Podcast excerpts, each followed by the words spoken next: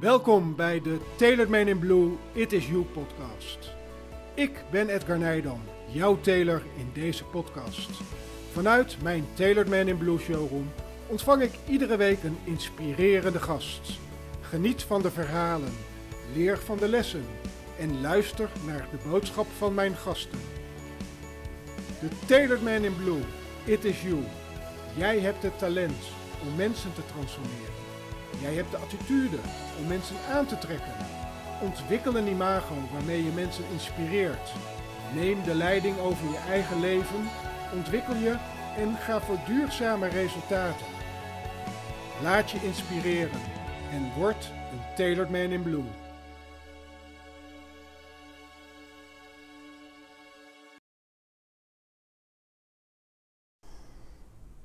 Het is vandaag 30 april. Vanuit mijn Tailored Man in Blue It Is You showroom. Vandaag een bijzondere gast. Een bijzondere vrouw die ik al uh, best wel een hele tijd ken. Die ooit op mijn pad is gekomen. Ik denk zo'n 14, 15 jaar geleden alweer. En uh, ja, wij hebben het voor elkaar gekregen om uh, van onze vriendschap echt een duurzame vriendschap te maken. En duurzaamheid is in haar leven ook een, een belangrijk woord. Want tegenover mij zit Andriana Landegent van Ecologic Republic. Een vrouw die uh, ja, een, een, een, boeiende reis uh, heeft afgelegd in haar leven. En uh, zich met name heeft bezighouden om de wereld een beetje mooier te maken als het gaat om kleding. Um, Maak het eerlijk is een van haar um, slogans, een van haar kernwaarden. En ik ben dan ook ontzettend dankbaar, Andriana, dat jij vandaag te gast bent in mijn Tailored Man in Blue showroom. Welkom.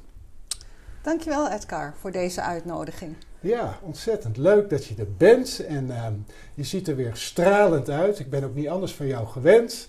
Altijd die eeuwige glimlach op jouw gezicht en, uh, en die fijne, uh, liefdevolle uitstraling. Dus ja, ik vind het ontzettend leuk om met jou vandaag het, het gesprek aan te gaan. En ehm, ja, vertel eens aan onze luisteraars, wie zit er tegenover mij? Wie is Andriana Landegent? Waar komt ze vandaan? En wat is haar reis geweest tot het moment dat je hier nu ziet? Ik heb daar afgelopen dagen natuurlijk, nadat jij mij uit, uh, de uitnodiging heeft uh, gegeven om hier te komen, om iets te vertellen over mijzelf, maar ook vooral het vak wat ik heb gekozen. Hè. Ik noem het altijd mijn professie in ja. dit leven. En dat is uh, kleding, kledingproductie, vakmanschap, um, in al zijn aspecten. Dus niet specifiek één ding, ik vind dit leuk, ik vind dat leuk. Ik vind eigenlijk alles leuk uh, wat daarmee te maken heeft. Uh, economisch, productie, het sociaal, het design, sales en marketing. Maar wat is eigenlijk. Ja, je bent op zoek naar een rode draad. Anders wordt het zo'n verhaal van allerlei hè, momenten in een leven. En ik moet toch eigenlijk beginnen met mijn achtergrond. Ik ben geboren Chinees-Indische afkomst in Jakarta in 1964. En het uh, allergrootste geluk wat ik had voor ons gezin is dat mijn moeder heeft gekozen om naar Nederland te komen. Kijk. In 1969. Ik In was mijn dus vijf jaar. nee. Ik heb twee oudere broers en het is haar gelukt om, uh, in die tijd was al moeilijk om naar Nederland te komen via een zusterorganisatie. En zij heeft mij eigenlijk altijd verteld dat mijn vader, mijn biologisch vader, overleden was. En als klein kind krijg je dat mee. Op dat moment ben je niet bewust. En, uh, en uh, wij hadden het geluk dat uh, ik nu mijn stiefvader, zij is met een hele lieve Indische man getrouwd, schat van een vent. En we hebben weer een, zeg maar, een compleet gezin kunnen vormen. Kunnen vormen. Ja. Toen ik 15 was, gingen we voor het eerst weer terug naar Indonesië. En vlak voor die reis zei mijn moeder, ik was mijn kamer aan het schoonmaken. dus ze doet de stofzuiger uit. Ik moet je wat vertellen. En toen zei ik, oké. Okay. En ze zei, out of the blue, zonder voorbereiding. Jouw vader is niet dood, jouw vader leeft nog. Zo. Dus ik dacht, oké. Okay. En het eerste wat ik deed, uh, kan ik me heel goed herinneren, was huilen. Ik weet niet waarom, want ik had er eigenlijk, ik had natuurlijk geen band met mijn vader, want ik kende hem niet. Dus wij gingen op vakantie weer terug. En uh, zoals je waarschijnlijk wel weet, Indische families, dat is overal als oom en tantes. Want dat zijn grote, grote gezinnen. En bij zo'n uh, welkom uh, bijeenkomst zag ik aan de buitenkant van de groep een oude man. En ik dacht, nou, dat is ook weer een oom. Ik zag voor mij was alles nieuw. En op een gegeven moment uh, roept mijn moeder me weer naar boven, naar een slaapkamer. En toen zei ze: Die man daar, dat is je vader. Hij was zo veranderd in al die jaren dat zij, zij zelf zij hem niet had herkend. Alleen aan de stem, omdat een stem natuurlijk, uh, ja, die verandert bijna niet, ook in al die jaren. Maar fysiek was hij heel erg uh, achteruit gegaan, ouder geworden. En zo heb ik met mijn uh, biologische vader kennis gemaakt. voor de buitenwereld. dat was op je vijftiende? Dat was op mijn vijftiende. En sinds die tijd heb ik, um, ja, heb ik toch wel contact met hem kunnen houden. En hij heeft me sinds tien die tijd altijd verteld ik heb het gezin eigenlijk verlaten, mijn moeder en drie kinderen, om op zoek te gaan naar het licht. En dat was natuurlijk in die tijd in de jaren 50 en de 60. Um, ja, er was geen internet. er waren alleen maar een paar bibliotheken die hij kon vinden in Indonesië. En zij woonde in een uh, toen de tijd kleine stad. Dus ja, daar is niet iets waar je hè, iets kan opzoeken of naartoe kan gaan of wat dan ook. Uh, dus voor hem was het een interne tocht, uh, letterlijk een spiritueel tocht van het licht. En op een gegeven moment um, zei het licht tegen hem: Je moet het helemaal gaan volgen, 100%. Dat betekent dus voor hem, in zijn inzicht, mijn maatschappelijke positie. Hij heeft ontslag genomen, uh, het gezin eigenlijk losgelaten. En hij is alleen verder gegaan. Heftig. Dat was heel heftig. En, en ik was natuurlijk klein, dus ik heb daar weinig van meegekregen. Maar voor mijn moeder, die niet geschoold is en een traditionele huisvrouw, uh, ja, dat overkwam haar. Dus uh, ze had het geluk om toch via via naar Nederland te kunnen komen. Wat heeft het met jou gedaan uh, voor de rest van je leven? Heeft dat een uh, invloed gehad? Heeft dat impact gehad? Heeft dat betekenis gegeven aan je leven? Op een, zijn daardoor de dingen ontstaan waarvan je achteraf denkt van ja, logisch dat ze op deze manier ontstaan zijn? Ja, absoluut. Maar dat was natuurlijk, dan zijn we twintig jaar later. Ja. dat is natuurlijk ook een proces. In het begin had ik wel het besef van, uh, wat ik altijd van mijzelf voelde, um, ik wil het een verbinding zijn. Een soort brug. En in, in, qua cultuur altijd uh, hè, van huis uit meegekregen, de verbinding. Dus het westerse met het oosterse, het maatschappelijke en, en je gezin uh, thuis. Um, dus ik heb me altijd gevoeld uh, als een kind van twee werelden. En voor mezelf het besef al zover gehad. En nog steeds van haal het beste van beide. En combineer dat tot iets wat van jouzelf is. En dat heb ik altijd al gehad. Daarnaast heb ik altijd um, het geluk gehad om van mijn hobby mijn werk te kunnen maken. Dus ik zat al vanaf mijn tiende achter de naaimachine. en het begin, ik heb nog steeds, uh, ik zal het nooit wegdoen als traditie, mijn Barbiepoppen. In die tijd hadden wij Barbiepoppen. Van tot mijn tiende tot mijn vijftiende. Complete garderobe, inclusief met mooie koeps. En dan natuurlijk ook die, hè, dat figuur van die Barbie helemaal volgend, al met de hand. Jurkjes gemaakt voor mezelf, voor mijn vriendinnen in de klas, vond ik leuk. Um, en dan komt besef, ja, dan moet je een beroep uitkiezen. Dus ik heb 2WO gedaan. Ik voelde me geen designer, hè, want dan ga je naar de academie, uh, kunstacademie. Dat, dat, voelde ik me niet, of de modeacademie. En daar was uh, één opleiding in Amsterdam, dus de HTS Meester Koetsier. Dat is een managementopleiding voor kleding. Toen dacht ik van, nou, dat, dat, dat, dat, was hem. Dus ja. dat heb ik vier jaar, hebben we heel veel lol gehad. we hebben een groep studenten die we dus nog steeds zien, na 33 jaar. Eén keer, twee keer per jaar. En dat is heel erg leuk. Um, dus ik heb eigenlijk van mijn hobby mijn werk kunnen maken. Dus het heeft ook nooit echt als werk gevoeld. Ik heb wel altijd vanaf het begin gehad van uh, uiteindelijk ga ik voor mezelf beginnen. En je bent toch te, het ondernemerschap zit denk ik toch van binnenuit. Dat kan je niet, het komt niet van buiten. Um, dus met dat in mijn achterhoofd wel allerlei uh, ervaringen opgedaan. En wat ik leuk vond is de diversiteit en de overzicht. Dus ook weer niet gekozen voor, oké, alleen een salespositie of alleen zo'n positie. En wederom weer het geluk op school gehad. Ik heb uh, van mijn leven nog nooit gesolliciteerd. Ik ben altijd gevraagd. Dus ook met mijn stagejaar zijn mijn leraar, nou, dat lijkt me wel wat voor jou. Ga daar maar kijken.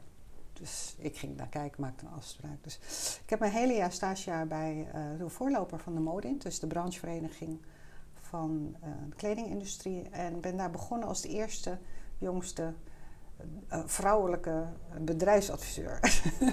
dus dat was een beetje een trial. Uh, uiteindelijk een heel jaar, dus allerlei projecten gedaan bij diverse bedrijven in Nederland. Toen hadden wij nog heel veel productie in Nederland. Echt, uh, dus dat was heel erg leuk. Mm, tenten bij Walker. Uh, Tenkate, die had nog productie in ondergoed.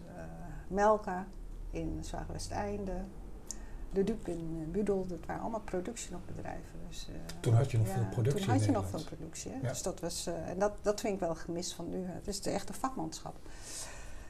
Daarna ben ik gevraagd om uh, bij Hunkemuller um, kwaliteitsafdeling op te zetten. Die hadden ze toen de tijd niet. Hunkemuller is van huis uit een handelsmaatschappij. En dat ging steeds meer toe naar een eigen collectie maken. Dus dan heb je andere mensen nodig met uh, andere kwaliteiten. Dus heb ik ongeveer vijf, zes jaar uh, bij anderen gewerkt. ik was zwanger van mijn oudste. Toen dacht ik van, nou of niet. Of nooit. Hè? Dus ik heb gewoon ontslag genomen. En uh, niet echt bedacht wat ik zou willen gaan doen. Dat wist ik gewoon niet. Kleine was geboren en ik kan me nog wel dat het moment herinneren. Er staan allemaal van die momenten in jou, in je leven, die je eigenlijk nooit kan, hè, nooit vergeet. Ik zat met de kleine zo op schoot voor de tv, weet ik nog. Ik stond dus nooit voor de twee, overdag. En ik dacht van, oké, dit is het dus niet. En toen ben ik gewoon begonnen. Ik ben gewoon met uh, kinderpyjamaatjes maken. Ik wist waar ik mijn stoffen kon halen. Ik weet wat productie, wat patronen zelf gemaakt. En ik had een kleine collectie, 7, 8 modelletjes kinderpyjamaatjes. Dat waren die klassieke donkerblauw wit gestreepte pyjamaatjes. was in de tijd dat ze gewoon helemaal niet waren. Want iedereen kocht pyjamaatjes, geprinte jerseys eh, bij de HEMA. Een beetje, eh, die staat, ik heb het over begin jaren 90. En ik had binnen nooit aan 30 kinderkledingklantjes. Kijk. Ja, dus dat was heel leuk. Rachel in een maxi in de auto. Dus gewoon vanuit, vanuit het doen, vanuit gewoon het energie delen, uh, ontstond het. Ja, klopt. Want ik had helemaal geen plan. Ik kreeg, wat kan ik? Ik weet alles van productie en ik weet het. Eh, ik kan zelf achter naaimachines, ik hoef het niet in te huren. Dat is ook een heel groot voordeel. Maar ik wist natuurlijk nooit, ik wist niks van collectioneren of verkoop. Dus Um, maar alles zelf doen. En dat is, dat is het leuke ervan. Uh, gewoon zelf in die winkel stappen, je spulletjes laten zien, een prijsje maken, uh, ordertjes uh, combineren. En dan berekenen van, oké, hoeveel stof heb ik nodig? Voordeel was, het was groothandel. Het, waren eigenlijk het was een Duits fabrikant. Dus die had rollen van 50 meter in voorraad. En zo ben ik begonnen. Dus rollen stof. En toen de tijd waren het kleine ateliers, dus de snijatelier en het stikatelier was apart. Dus dan ging ik met mijn rollen naar de snijatelier. Werd gesneden en moest het naar het stikatelier. Als het klaar was, haalde ik het op bij mij thuis. Alles combineren, in dozen doen. En als het dichtbij was, ging ik het zelf brengen en anders gewoon met, met de post. Um, en zo heb ik eigenlijk twee seizoenen gedraaid. En in die tijd leer je eigenlijk alles zelf. En ik denk dat dat een goede periode ook voor elke ondernemer is. En ik zeg ook voor de start-ups waar ik nu mee te maken heb. Hè, dus uh, niet meteen naar een e-commerce distributiecentrum gaan. Gewoon je eerste order zelf helemaal draaien. Want dan weet je wat er hiccups zijn. Hè? Als je een order binnenkrijgt, je moet iets uitprinten, iets inpakken. En heel goed om alles zelf te doen. En ik heb letterlijk alles zelf gedaan. Dus uh, de, de patronen vergroten, het was nog geen katkam. Dus je bent eigenlijk een beetje tailor over je eigen leven. Door alles zelf vanaf en gewoon echt gewoon doen. te ontwikkelen. Ja. Uh, productie, verkoop, Maar ook de dagelijkse dingen verantwoordelijk zijn. Ik, ik had een luxe positie als, eh, bij grote bedrijven. Dus wat krijg je? Je krijgt een auto onder je kont. En als er een pen was, ging je naar een afdeling, hadden een pen. Of, uh, begrijp je? Dus het, een, een, beetje omstandigheden die... Um, ja, die gewoon eigenlijk heel luxe zijn. En als je ondernemer bent, dan moet je letterlijk alles, elke nieuwe pen en potlood, moet je gaan kopen. Het was dus ook voor het eerst dat ik een tweedehands auto kocht. Want ja, die moest ik, ik moest een auto hebben.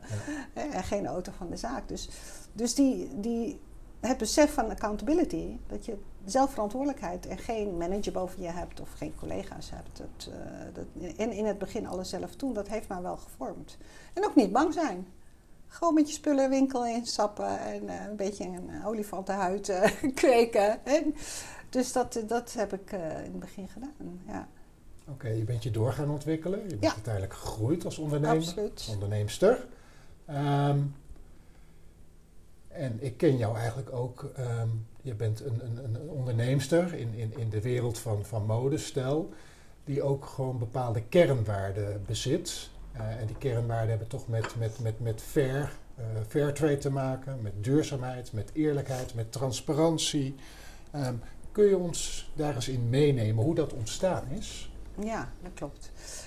Um, na vier seizoenen kwam ik in aanraking met. Uh, ik had een vriendin ook van school. Die was manager van een kinderkledingwinkel, uh, Kledingzaken.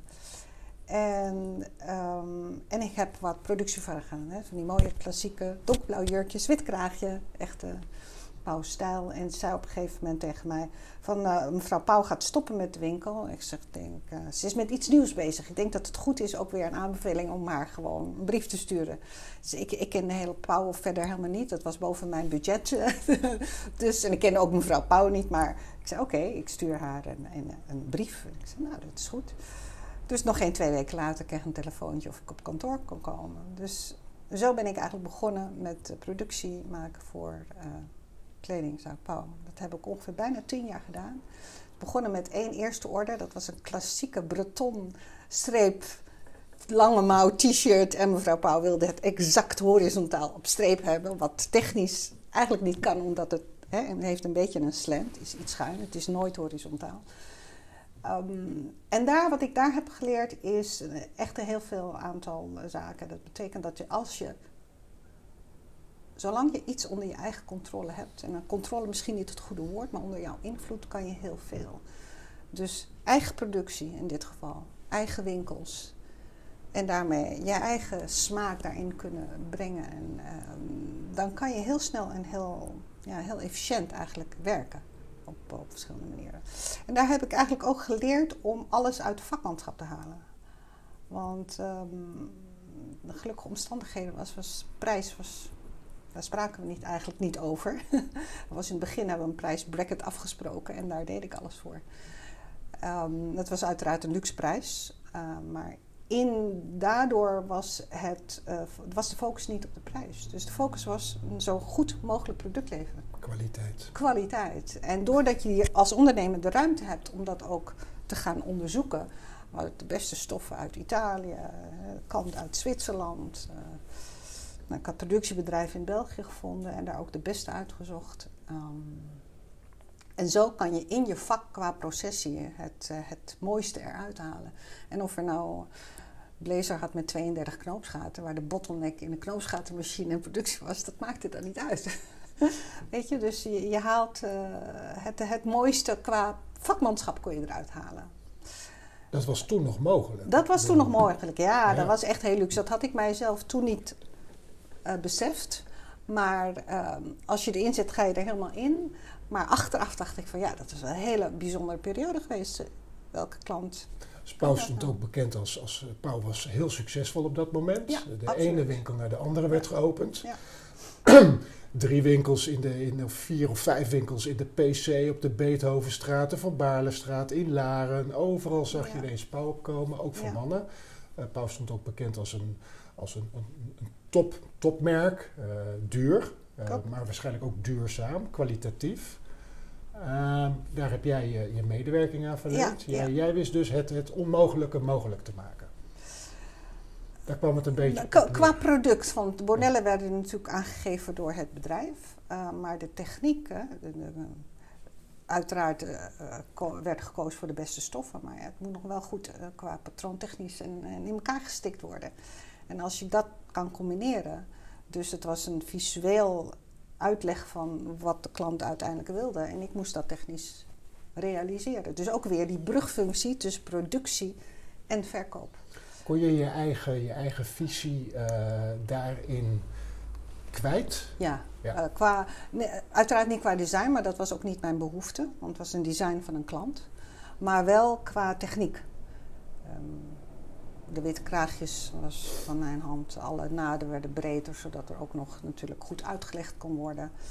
speciaal binnenwerken, speciale schoudersvullingen. Dus alles was speciaal. Dus je, ik kon me in mijn vak echt, echt to the limit gaan. Dat, en, en dat is natuurlijk, uh, ja, dat is gewoon een unieke positie. En daar heb ik ook echt wel gebruik van gemaakt en heel veel ervaring mee opgedaan. Maar wat je daarbij gelijk ook zag, is dat hoe belangrijk de verkoop was. Um, even een, leuk voorbeeld is, is de overslagblouse. Die hadden hadden wij een, een tijd aan gewerkt. De, de bekende overslagblouse van, uh, van Pauw. En ik had de eerste, de eerste levering gedaan. Als vrijdag iets in, werd geleverd, dan zaterdag in de winkel wisten we eigenlijk al of het succes was of niet. Uh, en ik was op vakantie in Zuid-Frankrijk en ze belde me op en zei ze: Dit is het. Dan gaan we meteen een nieuwe reorder doen. Dat is echt een succes geweest. Jarenlang heb ik hetzelfde model eigenlijk kunnen draaien. Um, dus invloed hebben over het model. Hè? Dus weten wat je maakt qua design, maar ook het direct kunnen verkopen. En, en, en, en, omdat je invloed hebt op je eigen retailketen, iets wat wel in Amsterdam verkoopt in die kleur, in die maat, gaat wel in Groningen. Ik noem maar even wat. Dat staat niet in Groningen, maar in andere steden. Dus je kan je optimaliseren qua eigen winkels.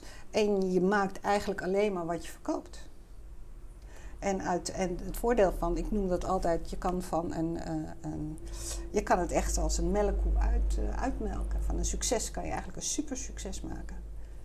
Wil niet weten hoeveel duizenden stuks ik alleen aan, aan de overslagbloes heb gedraaid. Dus dat, en, en als iets niet loopt, dan weet je dat ook gelijk. Niet meer doen.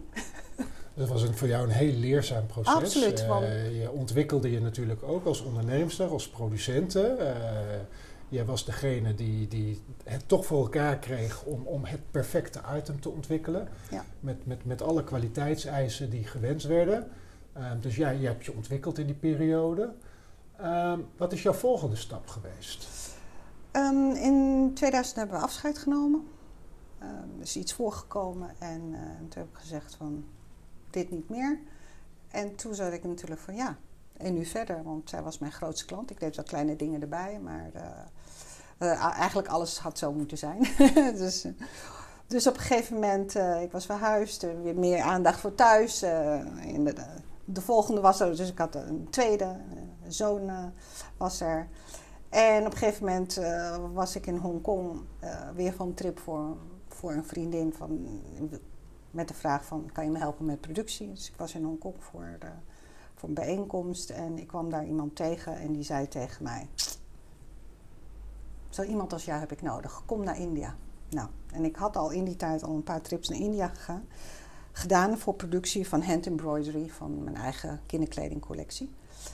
Um, maar dat is, het, dat is de fout die veel westerse mensen maken om naar een land als India te gaan. En ik ben al iets gewend, omdat ik kom uit Azië en ik had al veel, veel landen gezien.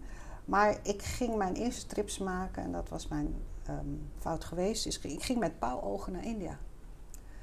Ik noem dat pauwogen, want alles moet strak, uh, mooi, netjes, uh, in lijn zijn. En, en zo ging ik met die verwachtingen ging ik naar India om productie te doen.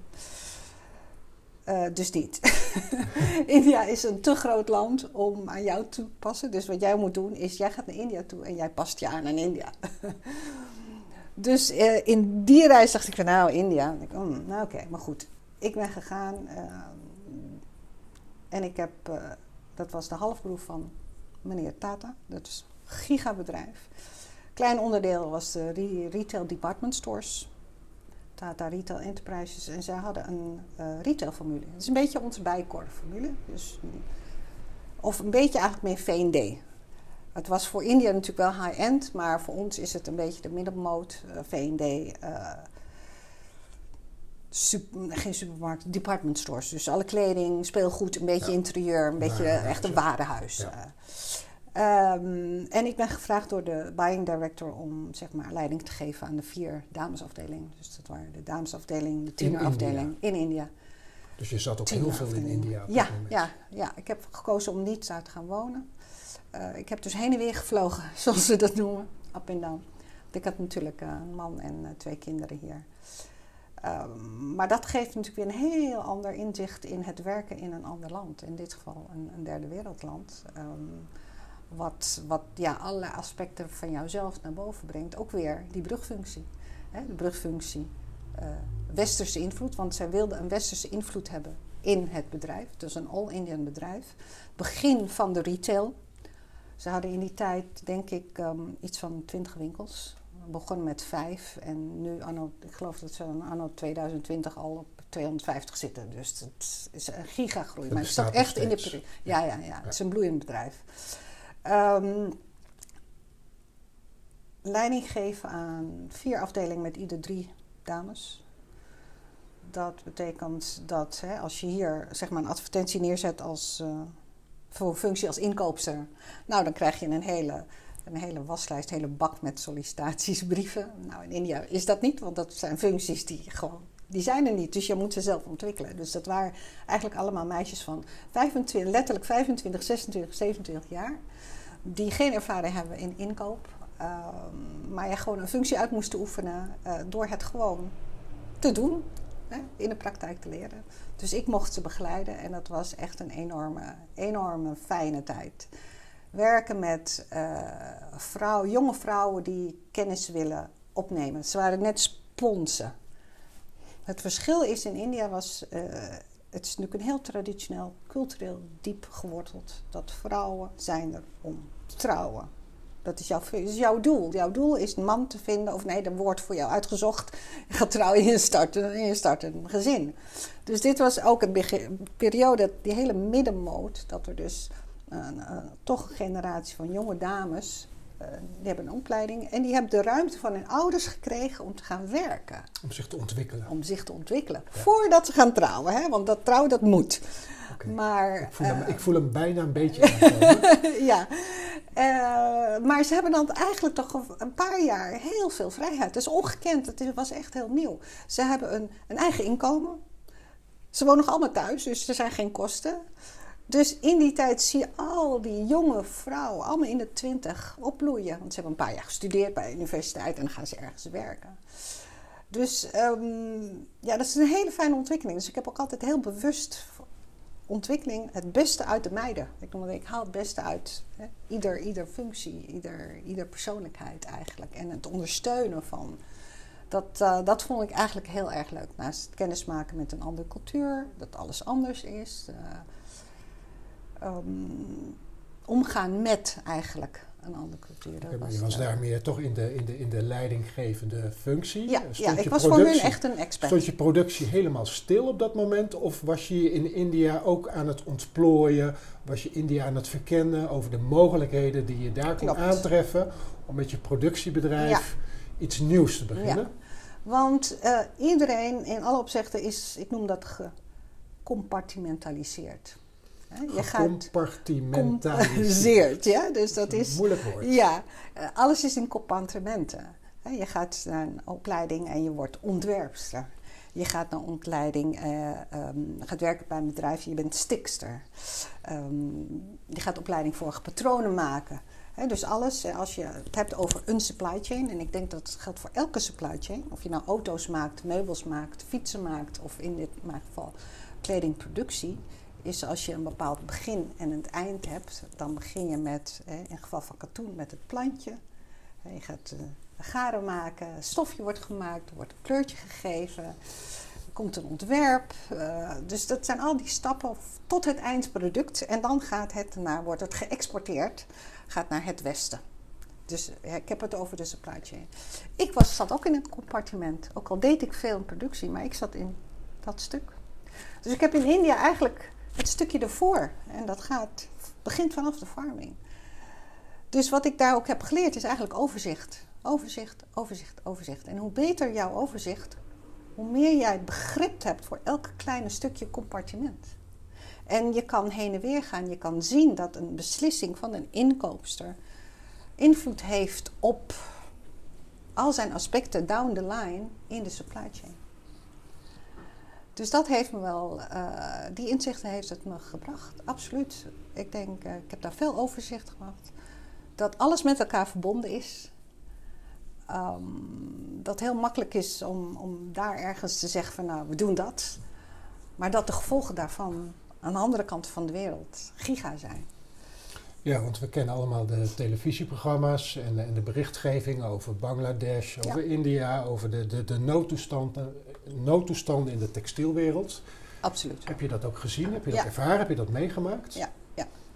En daar heb ik het aan de lijf ervaren. Ik wist natuurlijk wel iets, maar ja, je zit hier gewoon, wij zitten hier in een luxe positie in West-Europa. Of het nou West-Europa is, of Europa, of, of, of Amerika, ik noem maar het, het Westen. Wij zijn de klanten. Hè? Het wordt ergens anders gemaakt. Ik noem dat altijd Verwegistan. En dat is denk ik ook een algemeen het gemis van onze kledingindustrie. In de tijd dat ik afstudeerde, hadden we nog productie. En alles is naar buitenland gegaan. Vlak daarna er kwamen allerlei wetten in Nederland. Dus dat gaat naar eh, Turkije, Tunesië China. en verder. Hè? China, Indonesië, India, dat zijn de grote productielanden. En wat wij eigenlijk als, als industrie hebben gedaan, wij hebben onze verantwoordelijkheid eigenlijk weggegeven. Het is letterlijk een kop- en staart-industrie geworden. Het hele stuk, middenstuk van productie is ergens anders.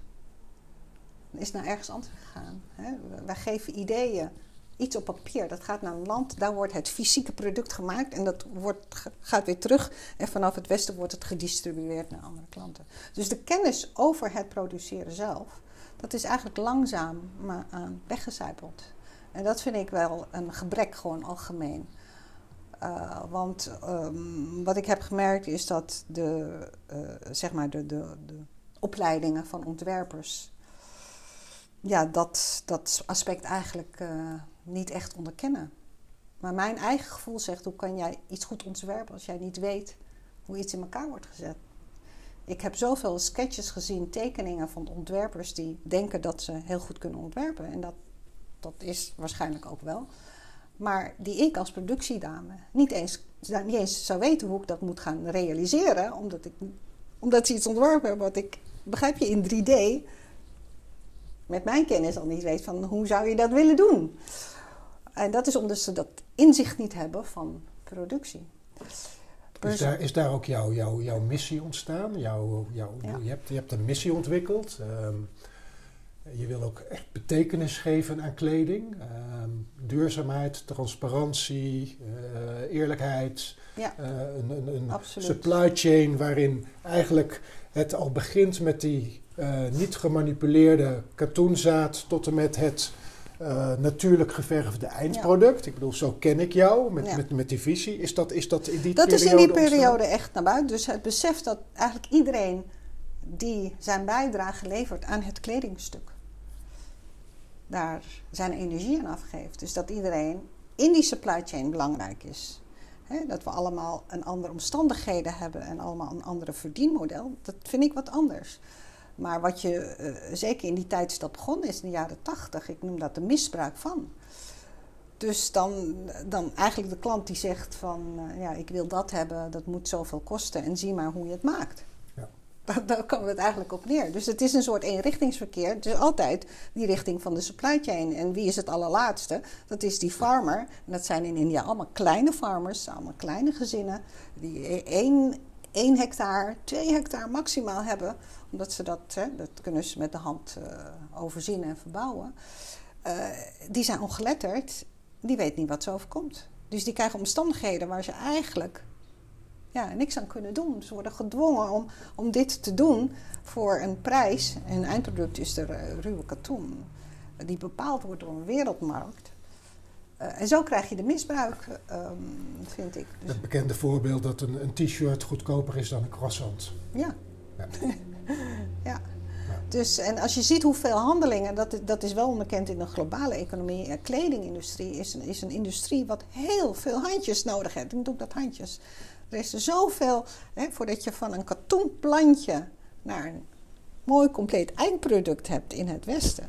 Nou, ik weet niet hoeveel handen daar aan, hebben gezeten. Dus ik heb ook altijd gezegd in mijn concept: uh, mijn witte t-shirtje is heel anders dan het witte t-shirtje van, ik noem maar even een andere groot winkelteert. Ik zal even geen namen noemen.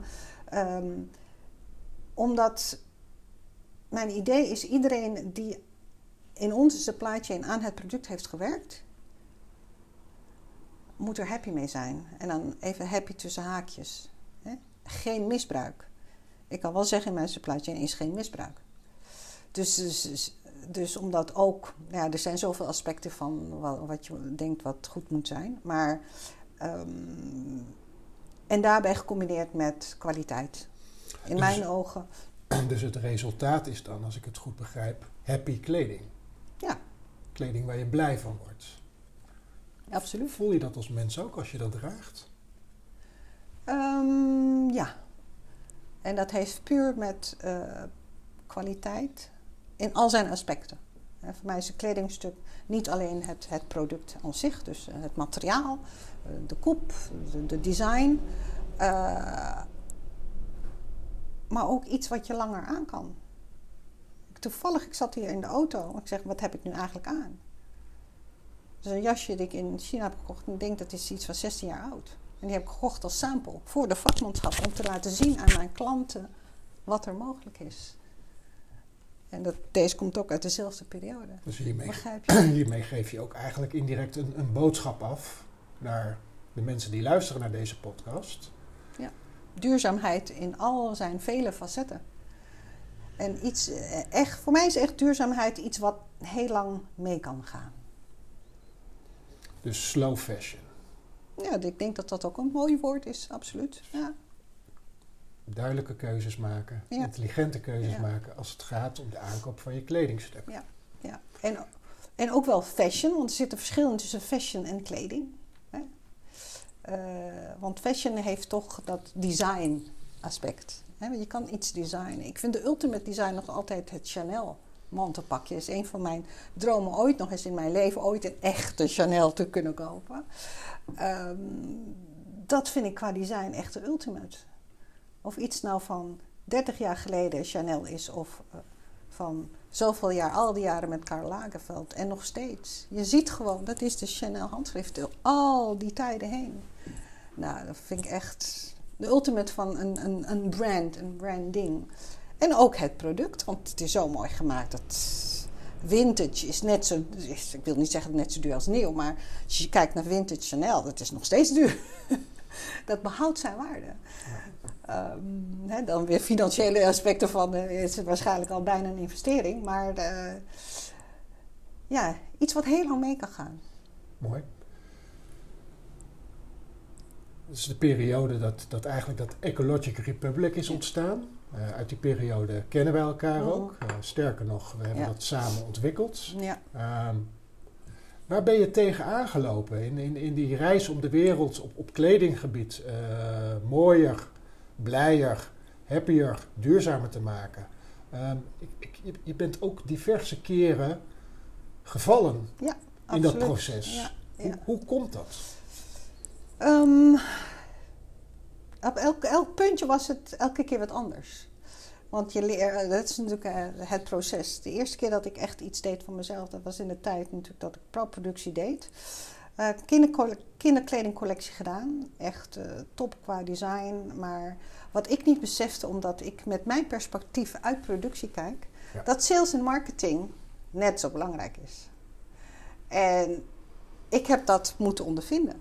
Van, ik had de, mooiste, de, de hele mooie qua product en ik kon ontwerpen een kinderkledingcollectie, maar ik kon het niet verkopen.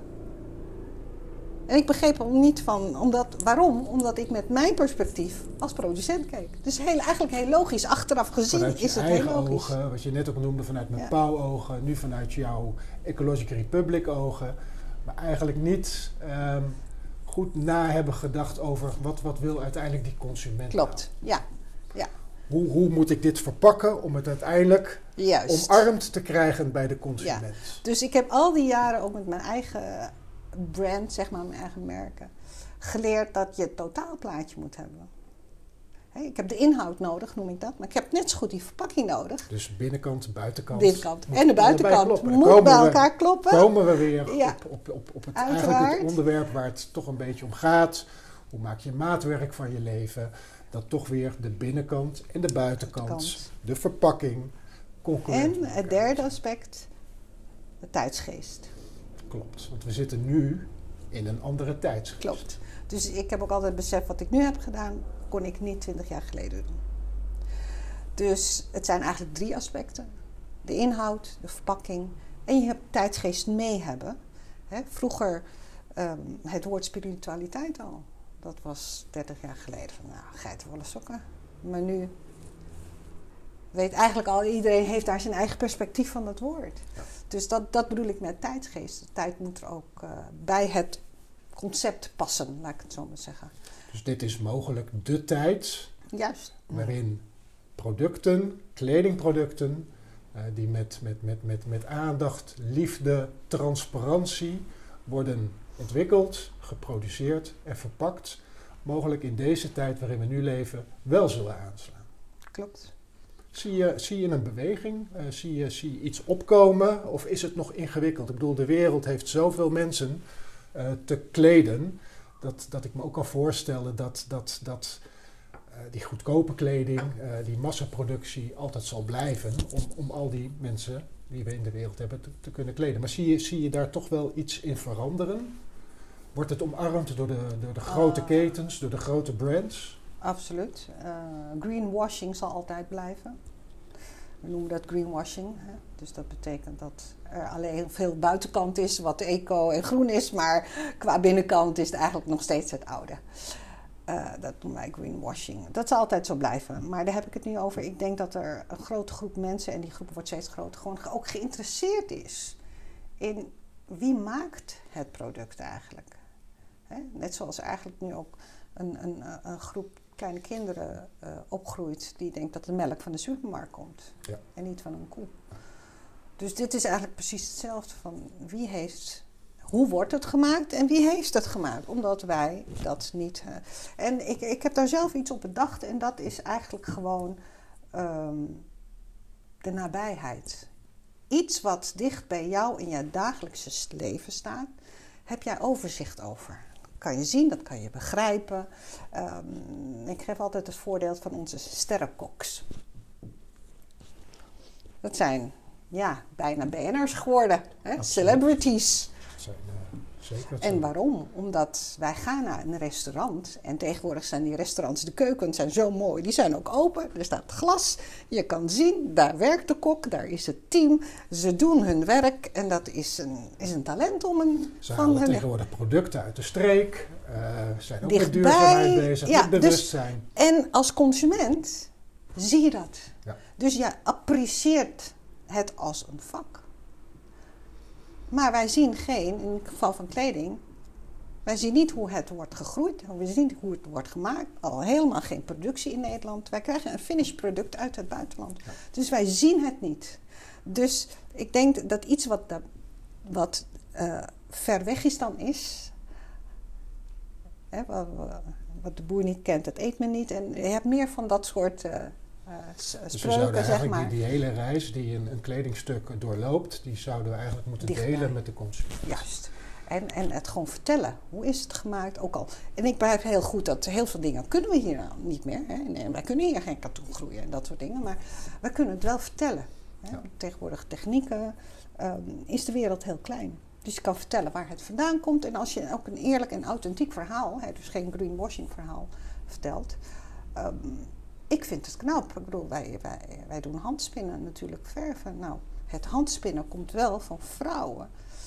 In, in alle rural areas waar geen water en elektriciteit komt, gaan we van een, hè, dat is Mahatma Gandhi, van een, een, een, een, een plukje katoen, een draad spinnen met de hand, zonder machines.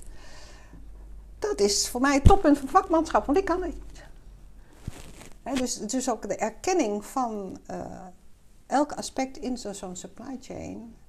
En dus ook als je beseft dat het een, hoe een product wordt gemaakt, hoeveel vakmanschap daarin heeft gezeten. Ik denk dat je als consument daar ook gewoon drie keer bij nadenkt om het zomaar weg te gooien. Ja. Het is de waarde uh, die je eraan aan, aan geeft. Uh, ook heb je het zelf niet gemaakt, maar wel iemand anders hebt gemaakt. En het is net zoals een kunststuk aan de wand, een schilderij. Je begrijpt, oh, het is een talent. Het is, eh, daar hechten wij heel veel waarde aan. Ja. Dat gooi je ook niet weg. Zo zou het ook met kleding moeten Zo zou het ook met kleding moeten zijn. Ja. En ik, ik kan al nagaan als we alleen maar met echt kwalitatief mooie producten werken. Hoeveel, hoe weinig er weggegooid hoeft te worden. Ja. En op de, in een brandstapel gaat, in de hoogovens. Mooi, bijzonder. Dus Ja. eh, jouw reis heeft zich uiteindelijk eh, ja, ge- gevormd met, met veel hobbels en veel dieptepunten, maar ook met veel successen. Eh, jouw, jouw tijd in Pau, je tijd in, in, in, in India, je leerproces in India, je bewustzijn over kleding, ehm, je kennis die je hebt vergaard. ehm, dat heb je allemaal verpakt in, in, in uiteindelijk het, het, het merk Andriane Landegent, Ja. die hier tegenover me zit. En ik vind het ook heel mooi, Andriaan, om, om, om, toch eens even te, te vertellen aan, aan de mensen die luisteren. Wij gaan samen ook iets moois doen. Ja, Ja, ja het idee wat hebben- we al jarenlang hebben van we moeten samen iets hebben, moeten. We hebben het ook al een keer geprobeerd Ja, en toen was de tijdsgeest niet, Niet daar. van, En het, nee. het klopte aan de ene kant voor ons wel, maar het, het, het, het, was niet goed verpakt.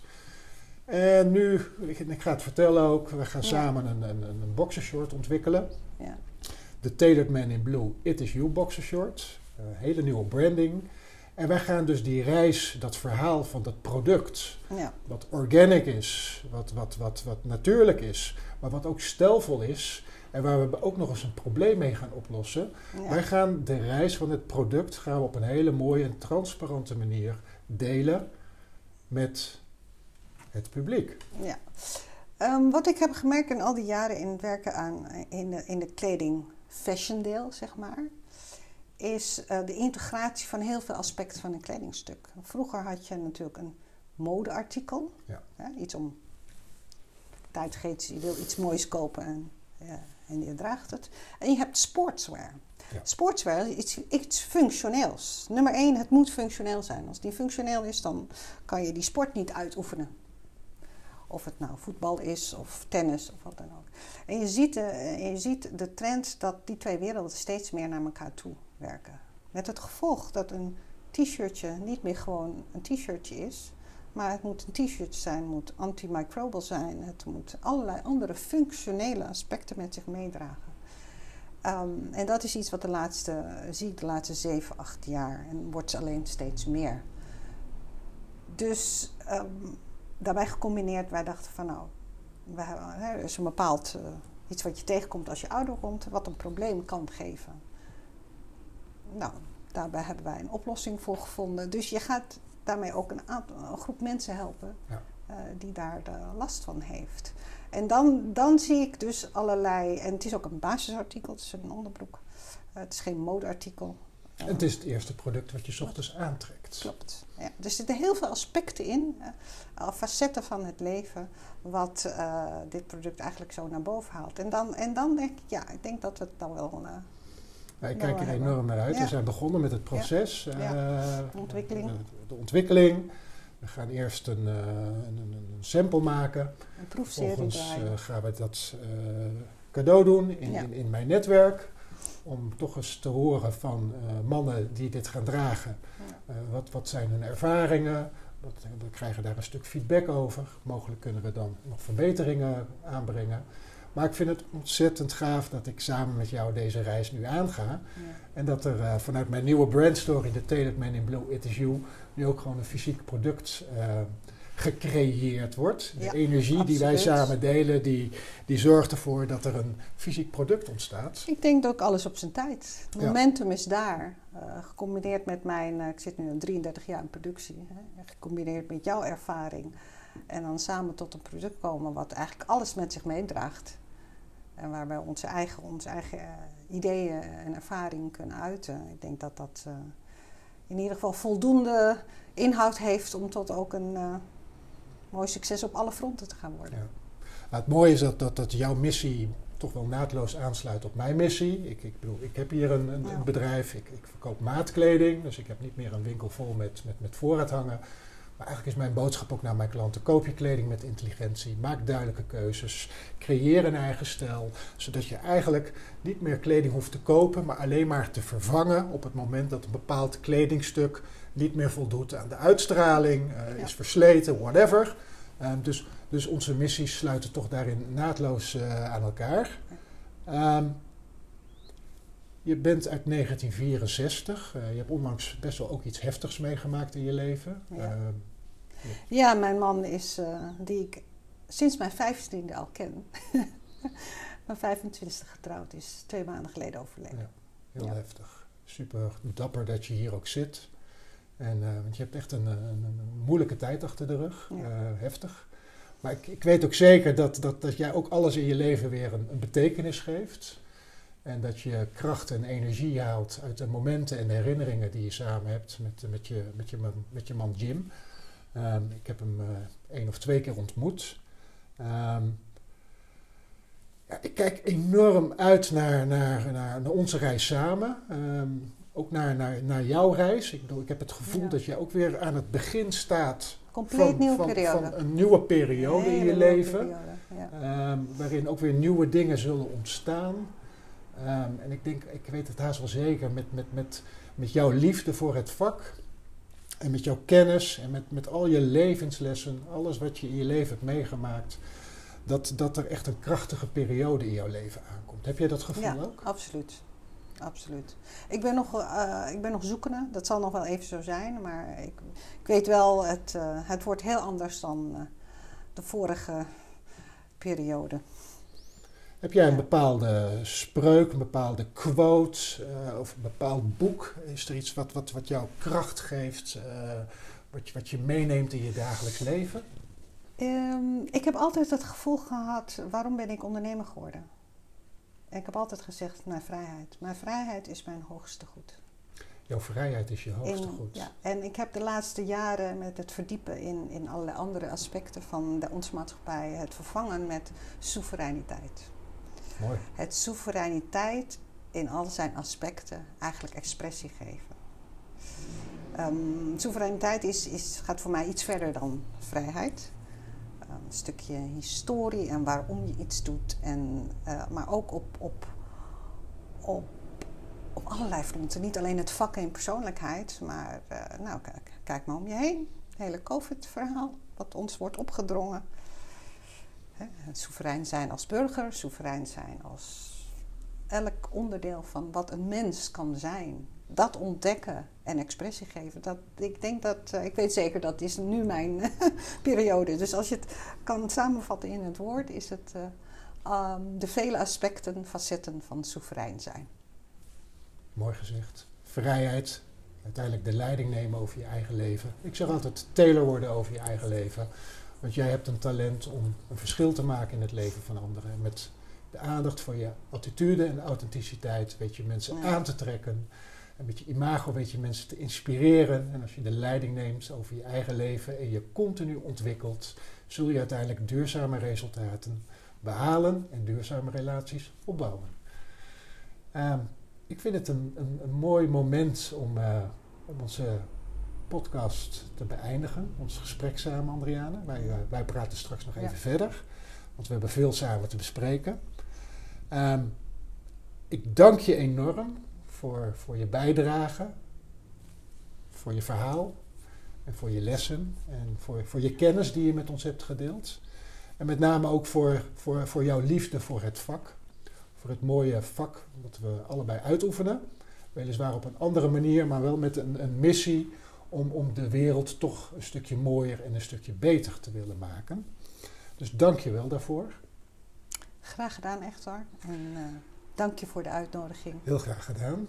Uh, volgende week heb ik uh, Frank Adema in mijn podcast. Het belooft ook weer een heel boeiend, inspirerend gesprek te worden. En uh, voor nu sluit ik, uh, zoals jullie van mij gewend zijn, af met de woorden: Verbind, leer, inspireer, groei met stijl in je pak en word de teler over je eigen leven. Ik dank jullie hartelijk wederom voor het luisteren naar deze inspirerende, transparante, duurzame podcast met Andriana Landegrens. En uh, ik wens jullie een fijn weekend. Tot volgende week. Ciao.